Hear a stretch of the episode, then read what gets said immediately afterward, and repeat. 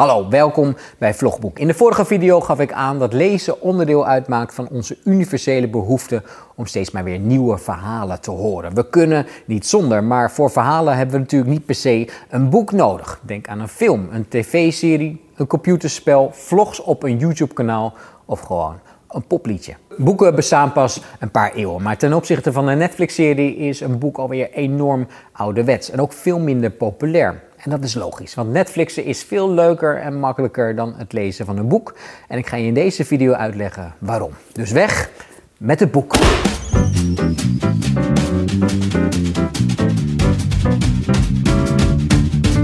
Hoewel sommige lezers je graag anders doen geloven en je buigend doen over het kijken van een serie of het spelen van computerspelletjes, is er qua verhalend element niet zo heel veel verschil tussen deze media. Of je nu Fortnite speelt, alle Game of Thrones afleveringen nog eens bekijkt, naar de laatste blockbusterfilm in de bioscoop gaat of het oeuvre van Cody Palmer van plan bent te gaan lezen, telkens weer zijn het verhalen die ons naar een andere virtuele wereld brengen. Een virtuele wereld die ons vermaakt, die ons laat nadenken en die emoties oproept. Uh, ik vind het zo ontroerend. Dus de volgende keer dat je moeder zegt dat je moet stoppen met het spelen van een computerspelletje en dat je beter een boek kunt gaan lezen, dan kun je haar wijzen op de overeenkomsten van de verhalende kenmerken en een virtuele element. En als er nu zoveel mensen zijn die liever gamen en Netflixen dan lezen, moeten we dan niet gewoon concluderen dat het kijken van een serie leuker is dan het lezen van een boek? Ongeacht het handjevol lezers dat stug blijft volhouden en deze logica omdraait. Nu verwacht je misschien dat ik als lezer dit ook ga verkondigen, maar nee, ik denk dat het klopt. Dat het kijken van de serie inderdaad leuker is dan het lezen van een boek. Althans, voor veel mensen. Daarbij moeten we ons niet te veel laten afleiden door het woordje leuk, want dat is een nogal vaag begrip eh, dat vertroebeld kan worden door de voorkeuren van mensen. Zo vindt de een een fantasy-serie leuk en zweert de ander bij een leuk politiek drama. Ik wil me daarom richten op de meest in het oog springende verschillen die we feitelijk kunnen vaststellen. Bijvoorbeeld de zintuigelijke ervaring. Bij een serie gebruik je je ogen en oren, maar bij een boek gebruik je alleen je ogen. En kijken en luisteren leren we al vroeg. Als baby ben je constant bezig gedaantes en kleuren te onderscheiden en geluiden te maken die vervolgens woorden kunnen vormen. Maar pas na een aantal jaar leer je hoe je een woord kunt lezen, laat staan een verhaal. Kijken en luisteren zitten dus in onze genen opgesloten en gaan ver terug in de evolutie, maar dat geldt niet voor lezen. Pas een aantal eeuwen is lezen iets wat door alle mensen gedaan kan worden. En zelfs nu nog is er een aanzienlijk aantal mensen analfabeet of laaggeletterd. Leraren op de basisschool en ouders weten uit ervaring dat lezen helemaal niet zo vanzelfsprekend is. Want waarom is bij de b het buikje naar rechts en bij de de het buikje naar links. Dat zijn de afspraken die we ooit hebben gemaakt. Ons alfabet is een code en leren lezen is dus een vorm van decoderen. Eerst losse letters, dan korte woorden, zinnetjes. En als we eenmaal op de middelbare school zitten, zijn de meeste mensen geletterd genoeg om boeken te kunnen lezen en om hun woordenschat steeds verder uit te breiden, zodat het lezen ook steeds makkelijker gaat. En dat maakt het kijken van een serie een stuk eenvoudiger. Kijken en luisteren zijn geen vaardigheden die je op dezelfde wijze moet ontwikkelen. En zelfs als je woordenschat beperkt is, kun je een aflevering van een serie in zekere zin volgen, doordat de taal wordt aangevuld met beeld. Kijk, hier heb ik een uh, Ik weet niet wat het is, maar ik heb het wel vast. Lezen vergt dus meer van jou. Je moet decoderen. Je moet aan het werk. Oh my god, daar heb ik dus echt geen zin in. Jonge lezers die zeggen dat ze lezen heel stom vinden, zijn dan ook vaak lezers die gewoonweg weinig ervaring met lezen hebben. Eigenlijk zeggen ze dat ze lezen lastig vinden. Ze merken dat het niet vanzelf gaat. En ja, dan is lezen niet zo heel plezierig. Zo heeft onderzoek ook uitgewezen dat er een verband bestaat tussen leesgedrag en leesvaardigheid. Men spreekt van een positieve spiraal. Hoe meer je leest, hoe groter je leesvaardigheid. Hoe makkelijker en leuker het wordt en hoe meer je weer leest. Lezen kun je dan misschien ook het beste vergelijken met het bespelen van een instrument. Een gitaar leren spelen is aan het begin ook niet echt een pretje.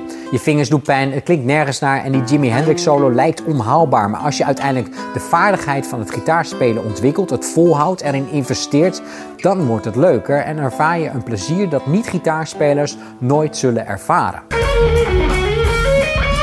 Maar naast het decoderen van woorden spelen er ook andere factoren een rol. Want er zullen tegenwoordig ook goede lezers zijn die steeds vaker voor het beeld kiezen. Een oorzaak hiervoor is niet wetenschappelijk onderzocht, maar het is niet zo gek om hierbij te denken aan de tijdsbesteding. Het kijken van een aflevering van een serie duurt ongeveer 45 minuten. Een hele film 2 of 3 uur. Maar het lezen van een boek duurt vaak langer. Veel langer. Om het even inzichtelijk te maken, pak ik de Lord of the Rings trilogie erbij. Dit werk bestaat uit zo'n 343.000 woorden. Een gemiddelde lezer leest ongeveer 250 woorden per minuut en heeft dan zo'n 24 uur nodig om met Frodo het hele avontuur te beleven. Goed, dit is een extreem voorbeeld, maar het laat zien lezen duurt gewoonweg langer. Daarnaast moet je blijven lezen om tot het einde van het verhaal te komen. Waar je bij een film op een saai moment even naar de wc kan gaan of wat te drinken kan pakken en dan terug kan komen met um, heb ik nog wat gemist? Dan ligt een boek helemaal stil als je niet leest. Nee, ik heb blijkbaar niks gemist. En dan de telefoon.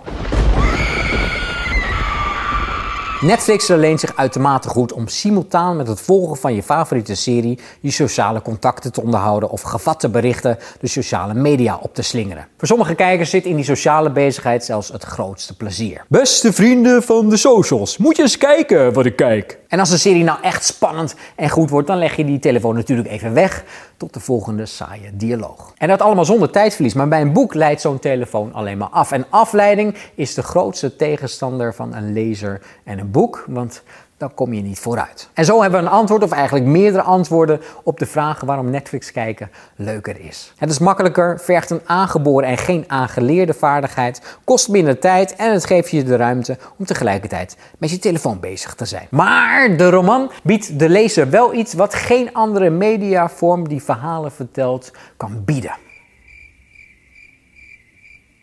Oh, nu wil je natuurlijk weten wat.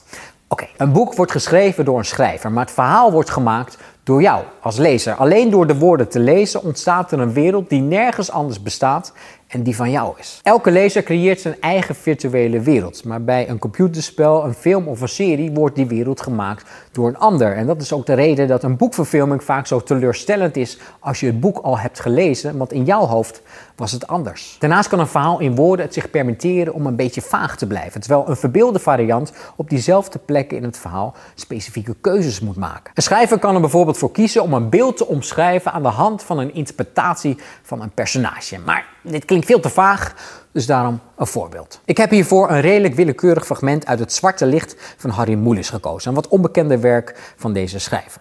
Maar ik had net zo goed een ander fragment uit een willekeurig ander boek kunnen kiezen. Omdat ik de werking van de tekst duidelijk wil maken, leid ik het fragment verder niet in. Maar ik vraag je om met mij mee te lezen en tegelijkertijd een beeld te vormen van hetgeen beschreven wordt. En bij het zien van al die roerloze, omhoogkijkende mensen overal in de straten, zetten toen ook de automobilisten hun wagens aan de kant en stapten snel uit. In de verwachting een luchtgevecht, een komeet of een vliegende schotel te zien. Maar daar was de grijze lucht en de muziek. Bij het lezen van deze twee zinnen heb je veel keuzes moeten maken, waarvan sommige zelfs onverfilmbaar zijn. Want hoe film je mensen die de combinatie van een luchtgevecht, een komeet of een vliegende schotel verwachten te zien? Moelis combineert hier het omhoog kijken met een verwachting en verwachtingen kunnen we van anderen alleen maar te weten komen als ze die vertellen. Maar naast dit onverfilmbare aspect heb je ook keuzes moeten maken om hoeveel mensen het gaat en wat voor stad het is. Is het Utrecht of is het een metropool als New York? En dan die laatste zin. Welk grijs heeft een grijze lucht? We kennen nogal wat diversiteit in grijs. En welke muziek speelt er op de achtergrond? Je dacht vast niet aan kerkklokken, die overigens wel had gehoord bij dit fragment als je de voorgaande bladzijden had gelezen. Dit fragment laat zien dat een boek in eerste instantie gaat om wat wordt beschreven, zoals een film beelden laat zien. Maar ik hoop dat het ook duidelijk maakt dat wat niet beschreven wordt, dat wat interpreteerbaar is, en dat is nogal wat in het tekst, dat dat de kracht is van een roman en dus ook het wapen van de schrijver waarmee hij plezier gunt